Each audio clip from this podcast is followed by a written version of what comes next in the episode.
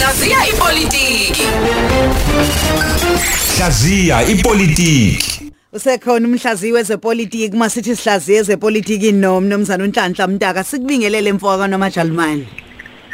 abendlovu enamandla enhla nasezantsi siyabingelela Eh nakho uqhamuka nenye into namhlanje uthi ubumqoka bolimi namabunjwa kwipolitiki yezwe.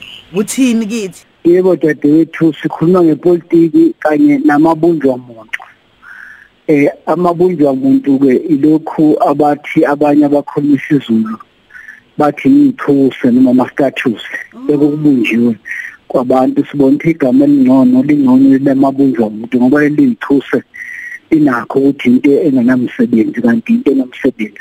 Yiko sithi ibunjwa amabunjwa muntu dadewethu eningizimu Afrika ucwaningo luthi ulimi isiZulu luhamba phambili bese lithi ilimi zabenguni ongaba isixhosa engaba isindebele engaba isiswati zihamba phambili. Akusho mina kusho ucwaningo likahulumeni into ke eyenzakalayo ukuthi phezulu kwalelo cwaningo abantu abakhuluma isiZulu nabantu abangabanguni bayadeleleka kulelizwe uma uhulumeni uma amakhomishana afana nakazondo ekhipha umbiko entweni ekuthiwa ibihlupha thina esibaningi thina esikhuluma ulimi olukhulunywa abantu abaningi libhalwa ngesingisi uma uhulumeni wethu efisa ukuxhumana nathi kakhuluma izilimi zethu ukhuluma ngesingisi. Ngithi ke dadewethu lokhu kudeleleka ngoba umthetho sisekelo lo otuswa kangaka nomengameli athi muhle nabanye abantu bamlekelele bathi muhle udlula yonke emhlabeni. Uyasivikela thina esikhuluma izulu uyasivikela thina benguni ukuthi kukhulunywe ulimi lwethu. Siyadeleleka. Emsakazweni yakwa SABC nokhozo luyingqanyana siyadeleleka. Umuye emsakazweni yamabhulu dadewethu ngeke ungene ukhulume isiZulu noma ngabe udidekile ngoba kuthiwa umsakazo wesibhono umbuzo uthi ke ukhozi lethu esilithanda ngaka ngabe umsakazo wesiZulu noma umsakazo osakaza ngesizulu ngoba khona umehluko khona umsakazo wesiZulu kanye nomsakazi nomsakazo osakaza ngesizulu. Siyokuphendula ngelinye ilanga lokho. Kodwa ngithi uzothi omunye yini ngithi SABC SABC ngokomthetho waseNingizimu Afrika ingxenye kahulumeni ngoba umsakazeli womphakathi kuqhubeka ukudelela kwethu ukuthi ilimi zethu zingakhulunywa ngenhlonipho zinikwe isithunzi esisifanele njengoba sihlaziya ipolitiki ngolimo lwakho sesifakelana isingisi esingaziwa abantu. Yebo uma ufuna ukuchaza siyezwa kodwa yini le engaka nesingisi nohulumeni wethu ukudeleleka? Ngokusho lokhu ngoba namhlanje umhlabeni jikelele usuku eh lahlonipha khona ulimi okuthiwa ngonebele futhi isiZulu isixhosa noma ngabe yiluphi ulimi lwakho olukhuluma ekhaya. Asingadelelekile sibaningi. Asingabi baningi uma kubalwa bese kuthiwa nasekwenziwa izinto kwenzelwe idlanzana. Uhulumeni ngisho umsebenzi omkhulu noma sibala la bona laba abangenawo ngisho umlungu nendiya ngasemakubo kodwa mase befuna ukubhala bafuna ukuqasha imanager babhala ngesingisi emaphepheni esingisi. Kodwa abanawo ngisho indiya nomlungu neshayina ke lolu kuthiwa umnyama neshayina sekwathiwa lemnyama alikhona kuba khona. Ukuqala lokho ukuthi siyadeleleka okwesibili eh enye ipolitiki esidelelisayo ipolitiki yamabunjwa muntu ithombe lezi noma okubunjiwe kwabaholi. Eningizimu Afrika mhlawumbe siqale sisho umlando.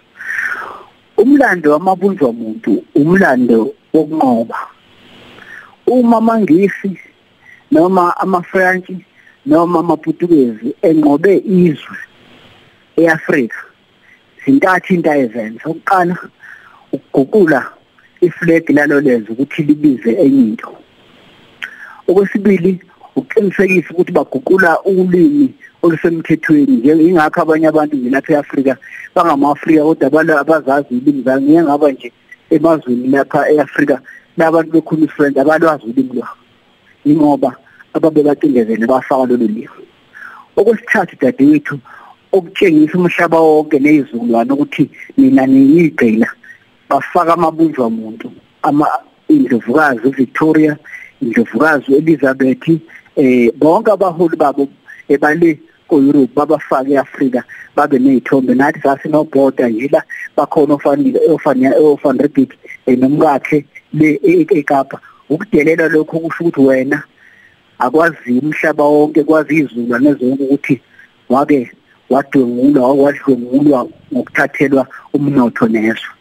Umbuzo ke uthi eminyakeni emingaka sesikhona siyakwazi ukuqhubeka nezithombe noma ibaziwe noma zenziweni noma zingamafuza umuntu ngamabunjwa umuntu ngiyaxolisa siyakwazi ukuqhubeka nazo sibe sithi sesikhululekile. Isibonelo lapha eh emgungundlovu eh kusishaya umthetho sakwaZulu kunenkosikazi njena engisi endlovukazi yayo kuthiwa Victoria. Ayikazi ingene kulela parliament kodwa bathi abayifaka belungu bevumelana. Bathi sifaka ukutshengisa ukuthi sesibaphethe sifaka ukutshengisa ukuthi amangisi akhokhobele uzulu akhokhobele aboshanga namhlanje uya khona ikhona le nkosikazi imi lapha kodwa isilo esanda kwebuza ebesivula leli parliament esivule lesishamthetho asikho lapha. Yini abalapha abangaboshanga yini ebashula ukuthi bathi le nkosikazi ake ihoxa akulona icala lelungazi uphathe kabi ukuthi hayi ayingahoxi kuliwa nabantu. Bayazi ukuthi babefake nokuthi sifakwa uma betshengisa lophuphawu ngakho umususa akekho ngazi. Ziyasuswa. Ngokusemthethweni ikhona imithetho yezwe ethi ayisuswe. Izinto kwakufuneke zithi nje siphatha siyisuse ngoba leya nkosikazi njengoba lapha ithi kubo bonke abantu basemgungundlovu ithi kubo bonke abantu bakwaZulu Natal ithi kubo bonke abakwashanga amangisi asaniphethe ngisho engasekho. Yikho ngithi ke yithombe lezi izakhiwo lezi ezazitshengisa ukuthi sisaphethe. Umbuzo uthi ngalesikhathi usayidinga into zethu owami umbono ukuthi akusuka ingisi lapha kuhlala isilo samabandla ngoba vese umhlaba waso lo ngoba vese isasi isasivula lela parliament izathu zomthetho zikhona singathi kungani kufanele kuhlale indlondlo lapha? Semgoqa kedadewethu isasho nabohlanga ubuningi benu abunisebenzele ningadlali abantu abancane ningadlali nabantu abanidelelayo phokani uhulumeni phokani iminyango kahulumeni phokani ukhozi phokani imisakazo wa-SABC ukuthi kukhulumule imlimi imihlonipho ngoba ngalokho ayinenzeleli akusona isihe kodwa umthetho sisekelo uyavuma. Kukhulume nathi ngolimi lwethu.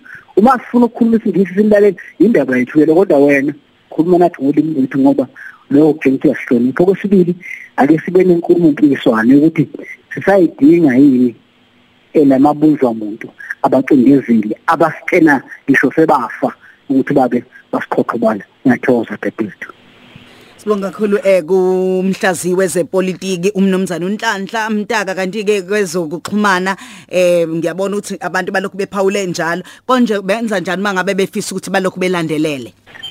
Facebook baya the news bazobona lemkhankaso edakususa ingisi kuhlala indlondo lapha emgumundlovu ku Twitter @nhlanhla Mtaka nakhona futhi umkhankaso uyaqhubeka kodwa kumqoka namhla ake uqinisekise nje ukuthi ukukhuluma isiZulu ake ufike isingisi ulimi lo lokukhathaza umphefumulo nengqondo nolungafuneki nje luze liqhaye kakhulu. Awukhuluma ulimi lwakho usuku lolimi namhlanje. Khuluma nezingane zakho isiZulu khuluma nezingane zakho isiswati? Watshengisa ukuthi la ekhaya babezalwa ngabantu babelithanda ulimi. Siyeke isingisa sinomsebenzi. Imbiko isiphakamiso imbono nezithembiso okungenzeka sivele kule ngxoxo. Akuzona ezomsakazo ukhozi FM nenhlangano iSABC ukhozi FM luhamba phambili. Le yivuka Africa Breakfast Show. ukhozi FM Luhamba phambili.